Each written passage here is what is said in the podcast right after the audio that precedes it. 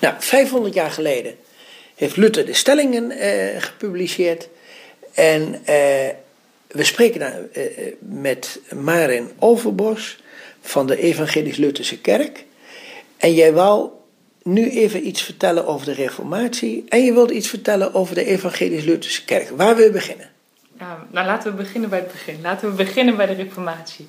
Want uh, kijk, wij zijn. Want Luther wilde dat eigenlijk helemaal niet, hè? Nee, dat is inderdaad waar. En dat is ook wel frappant om te zien. Uh, voor Luther was het niet de bedoeling om de kerk nou in tweeën te splijten. En ik zelf vind het heel erg spijtig dat het is gebeurd. Want het liefst wil je natuurlijk met z'n allen bij elkaar kunnen zitten en elkaar vasthouden in het geloof. Maar, Waren die pauzen nou maar niet zo strak geweest? of zo uitbundig juist, zo uitbundig. Ja. Ik denk wat Luther heeft gebracht is een bepaalde soberheid, ook een bepaalde focus. Waar is het je eigenlijk om te doen? En zeker in die tijd was er toch wel iets om tegenaan te schoppen, namelijk alle pronk en praal.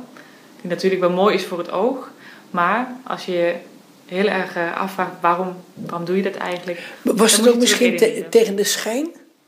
Dat zal zeker een van zijn punten zijn geweest, ja. Tegen de schijn en vooral terug naar de basis.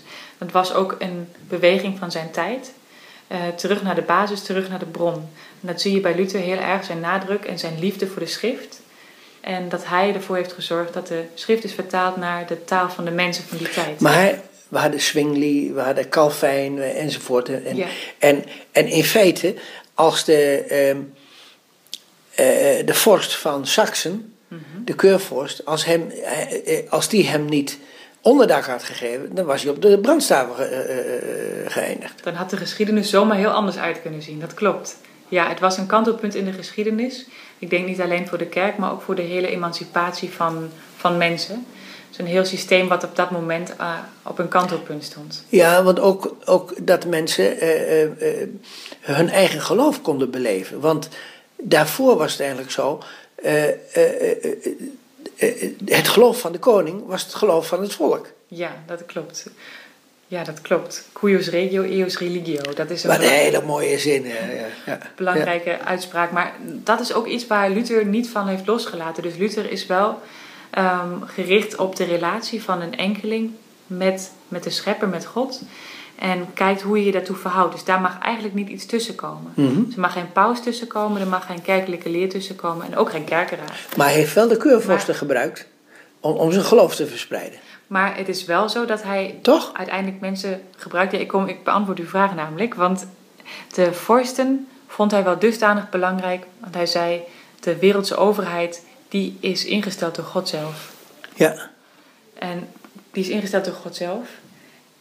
En daarom moeten mensen onder een keurvorst, onder een vorst of onder een leider zich ook wel volgens die, die leider gedragen wat de religie betreft. Dus uiteindelijk is dat wel ge, uh, geëscaleerd in de boerenoorlogen. Van boeren exact. Nee, maar uiteindelijk deed Luther precies hetzelfde wat de katholieke kerk ook deed. In welk opzicht bedoelt u dat u... Nou, van uh, via de vorsten het geloof brengen.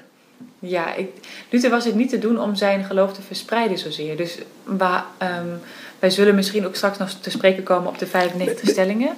Maar die zijn dus in het eerst in het Latijn geschreven. En er was iemand anders die zei: Dit wil iedereen wel lezen. We maken dat nou in Duits. naar het Duits. En, en nu gaan we nog even iets vertellen oh, over de uh, Evangelisch-Lutherse kerk hier in Nederland. Van hoe is het hier ontstaan? Want, uh, want de meeste protestanten hier die komen van Calvijn. Ja, dat klopt. In Nederland vind je niet zo gauw een Lutherse kerk. Eh, in het hele land zijn het er maar ongeveer 10.000 leden van de hele kerk. En je vindt dus Lutherse gemeenten in het, vaak op de steden. Dus je ziet eigenlijk geen plattelandsgemeenten. Mm En dat komt, ligt aan de handelstromen van de mensen die in de middeleeuwen en na de reformatietijd handel dreven met Nederland. Die vestigden zich dan ook wel weer eens langs die... Want de steden waren, waren, waren eh, de handelsposten. Eh, ja. ja. en zoals je dus ziet heb je ook in Groningen nog een bloeiende Lutherse gemeenschap van hm. ongeveer 250 man. En de dichtbijzijnde Lutherse kerk is dan weer naar het zuiden, is Zwolle. Oké.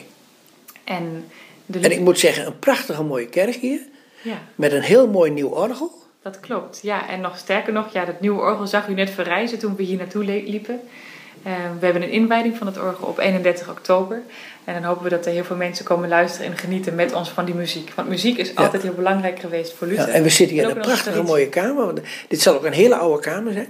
Ja, dat klopt. Dit is eh, de kerkenraadskamer waar alle vergaderingen plaatsvinden. En hier voel je dus de traditie, de geschiedenis van het hele gebouw en ook van de... Ja. Is het 200 jaar oud? Hoe lang oud is het?